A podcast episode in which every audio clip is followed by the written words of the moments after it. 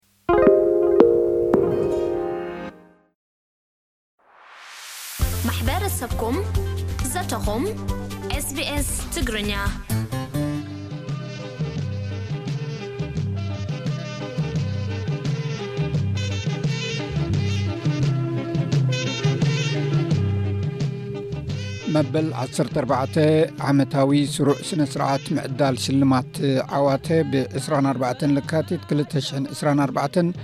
ብቤት ትምህርቲ ቋንቋ ማሕበረሰብ ኤርትራ ኣብ መልበርን ተኻይዱ ነይሩ እቲ ስነ ስርዓት ነቶም ኣብ 223 ብቪሲኢ ኣይቢ እተመረቑ ዩኒቨርስቲ ዝወድኡን ንስድራ ቤቶምን ንምፅምባል ዝተገብረ በዓል እዩ ነይሩ እቲ ቤት ትምህርቲ ነቶም ተምሃሮን ንስድራ ቤቶምን ናይ ምሽላም ስነ ስርዓት ወዲቡ ንኹሎም ተዓወቲ ናይ ዓወት ምስክር ወረቐት ዓዲሉ ኣብ ርእሲ እዚ እቶም ልዑል ዓወት ዘመዝገቡ ብሉፅ ሽልማት ዓወት ተዋሂብዎም ብተወሳኺ ግዜኦም ንማሕበረሰብ ኣብ ምግልጋል ዘወፈዩ ወለንተኛታት ንዝገብርዎ ኣበርክቶ እውን ኣፍልጦ ሂቡ ነይሩ ብዘይካዚ መደረታትን ባህላዊ ምርኢታትን ቀሪቡ ኣምስዩ። ኣብዚ ናይ ሎሚ ዓመት ስነ ስርዓት ምሽላም ዓዋተ ካብ ቪክቶርያ ጥራይ ዘይኮነ ኣብ ካልእ ክፍለ ግዝኣታት ኣውስትራልያ ዝነብሩ ተምሃሮ ውን ኣፍልጦ ረኺቦም እዮም። ቅድሚ እቲ ስነ ስርዓት ምሽላም ንተሸለምቲ ኣብ ዩኒቨርሲቲ ትምህርቶም ዛዚሞም ዝተመረቑ ተምሃሮን ናይ ዓሰርተ ክልተ ክፍሊ ትምህርቶም ዛዚሞም ናብ ዩኒቨርሲቲ ዝኣትዉን ተምሃሮ ዘረባ ዘስመዐት ሺራዝ ኢድሪስ ኮይና ዓሰርተ ክልተ ክፍሊ ትምህርቶም ዛዚሞም ናብ ዩኒቨርሲቲ ዝኣትዉ ተምሃሮ ኣመልኪታ እዚ ስዕብ ኢላ ነይራ። ሎሚ ኣካዳምያዊ ዓወትና ጥራይ ኣይኮናን ንጽምብል ዘሎና፣ ሎሚ እቲ ኣብ ካልኣይ ደረጃ ትምህርቲ ዘጥረናዮ ንሰብኣዊ ዕብየትና ዝሕግዝ ናይ ተጻዋርነትን ዕብየትን ተመኩሮና'ውን ንጽምብሎ መዓልቲ እዩ። ነቶም ናይ ዩኒቨርሲቲ ትምህርቶም ዛዚሞም ዝተመረቑ ድማ ሺራዝ እዚ ዝስዕብ ኢላ ነይራ። እቶም ኣብ ዩኒቨርሲቲ ዝተመረቕኩም እቲ ጉዕዞ ዝያዳ ፅዑቕን እቲ ትፅቢት ላዕሊ እቲ ንፍልጠት ዝግበር ፃዕሪ እውን ዝያዳ ክዓሙቕን እዩ። ብዘይካዚ ድሮ ተመሪቖም ኣብ ሞያዊ ስራሕ ዝተዋፈሩን ንሓደሽቲ ተመረቕትን ናብ ዩኒቨርስቲ ዝኣትዉን ተምሃሮ ማዕዳ ዝሃቡ ነይሮም ሓደ ካብኦም መንእሰይ ሓሰን ሙኒሪ ኮይኑ ንሱ ኣብ ምኬሪ ግሩፕ ናይ ሶፍትዌር ደቨሎፐር እዩ ቤት ትምህርቲ ዓዋተ ነቲ ማሕበረሰብ ኣብ ምርኻብን ክላገብ ዝገብሮ ዘሎ ፃዕሪ ብምንኣድን ንተምሃሮ ምዒዱ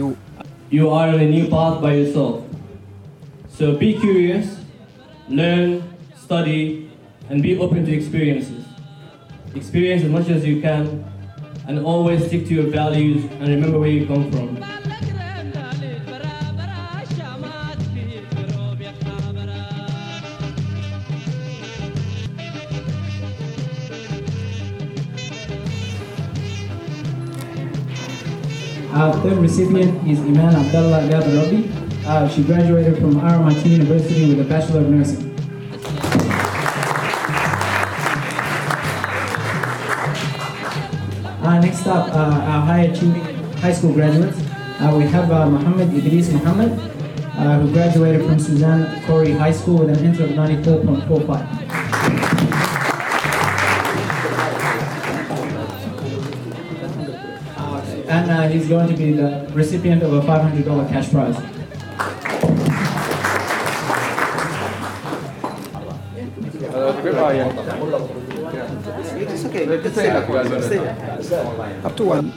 ኣብ ኮሚኒቲ ኣበርክቶ ንዝገበሩ ናይ ኣፍልጦ ሽልማት እውን ተዋሂቡ ነይሩ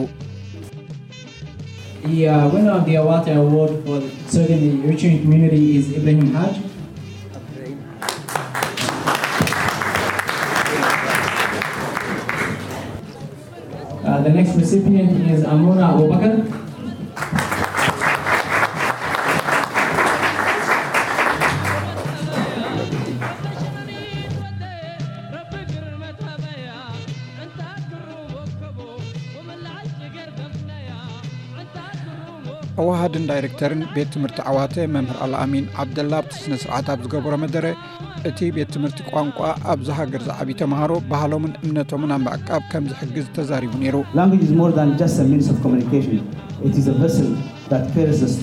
ቋንቋ መሳርሒ መዛረቢ ጥራይ ዘይኮነ ዛንታታትን ሕሉፍ ባህላዊ ክብርታትን ፀይሩ ዝጓዓዝ መንኮርኮር እዩ ምስ መበቆልና እውን ዘተኣሳስረና እዩ ናይ ክብሪ ዕዱም ኣቦ ወንበር ሰልፊ ምንቅስቃስ ፌደራላዊ ዲሞክራሲ ኤርትራ ኣቶ በሽር ይስሃቅ ብወገኑ እቶም ኣብዚ ዝውለዱን ዝዓብን ቆልዑ ሓድሽ ሕብረተሰብ ክኹስኩሱ ምዃኖም ገሊጹ ነይሩ። You are going to build a new society, a new uh, society which resembles you, something Australian but still ንስኻትኩም uh, ሓድሽ back- ሕብረተሰብ ክትሃንጹ ኢኹም ኣውስትራልያውያን ኮንኩም ብባህልኹም መበቆልኩምን እምነትኩምን ዝተድርዐ ንዓኻትኩም ዝመስል ሕብረተሰብ ክትሃንጹ ኢኹም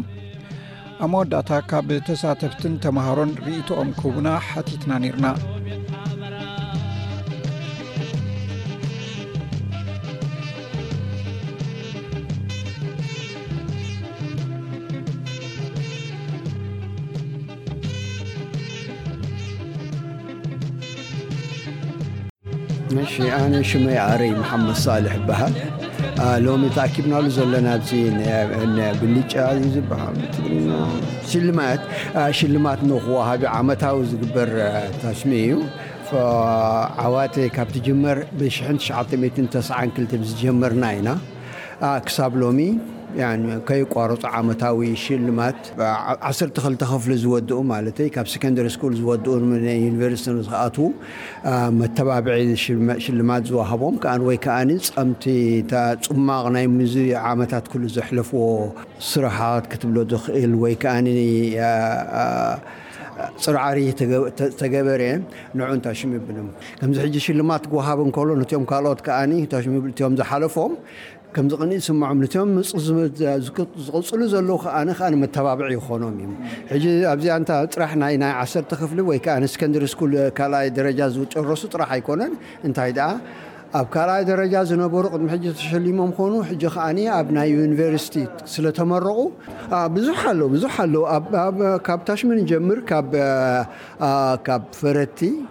I mean ፍርትኽ ብፈራዳይ ዘይኮነስ ዳኛ ማለት እዩ ኣብ ዳኛ ዝበፅሑ ኣለዉ ኣብ መማህራን ዝበፅሑ ኣለዉ ኣለዉና ውን ኣብ ሕጂ ናይ ሲቪል ኢንጂነሪንግ ገለመለ ዝኣትዉ ውን ኣለዉና እዮም ኣለዉ ኣብ ባንክስ ብዙሕ ኣለና ኣብ ኩደ ሕጂ ኩሉ ሻዕ ንሕና እዚ ሕልሚ ናይ ማሕበረኮም ኤርትራ ዝነበረ እዩ ኩሉ ግዜ ንብል ነርና ኣብዚ ኸኣ እታ ናይ ቦታስ ሓደ ኤርትራዊ ክርከብ ኣለዎ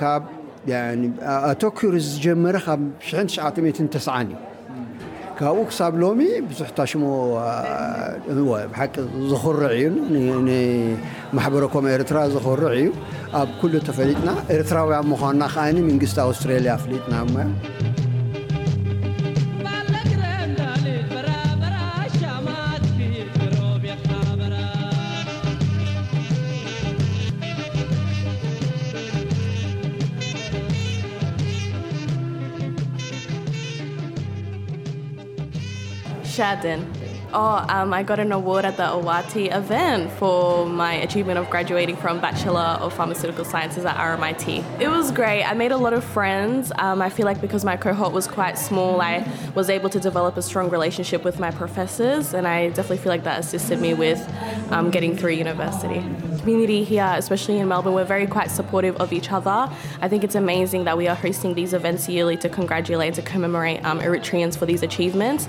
um, yo no graduating from high school and university is abig malsten in our life and itshould becelebrated so its great that weare able to arange for the community to all come together tocelebrate and toassure our students that your hardwork has paid of